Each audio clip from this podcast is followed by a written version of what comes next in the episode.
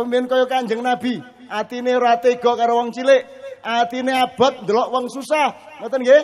Ning wani sengsara untuk dirinya sendiri demi untuk kesejahteraan rakyatnya. Ngoten nggih?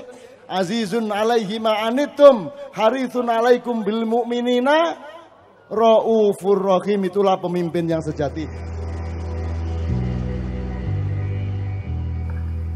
Mungkin karena kita ini hidupnya memang selalu cari laba, golek badi, cari keuntungan, maka indikator agama itu selalu kita letakkan pada kepentingan laba. Jadi kalau kita sholat itu yang kita bayangkan pahalanya berapa.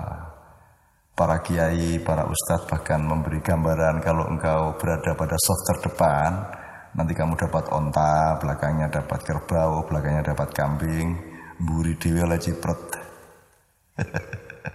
nah, puasa tidak bisa begitu. Puasa Ramadan itu milik Allah.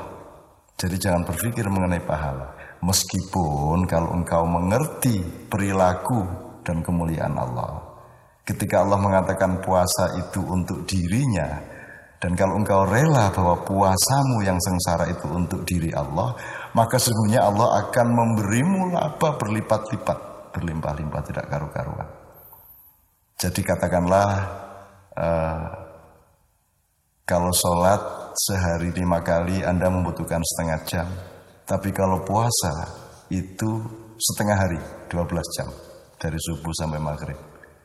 Jadi kalau dihitung secara satuan waktu, maka puasa adalah ibadah yang luar biasa di mana Allah bersamamu selama panas-panasnya hari. Allah ada bersamamu sesudah engkau makan sahur, sholat subuh, sampai nanti engkau berbuka pada waktu maghrib. Allah senantiasa bersamamu.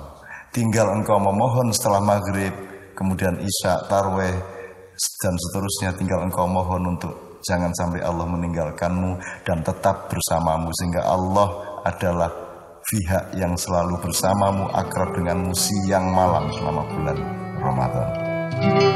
Bye.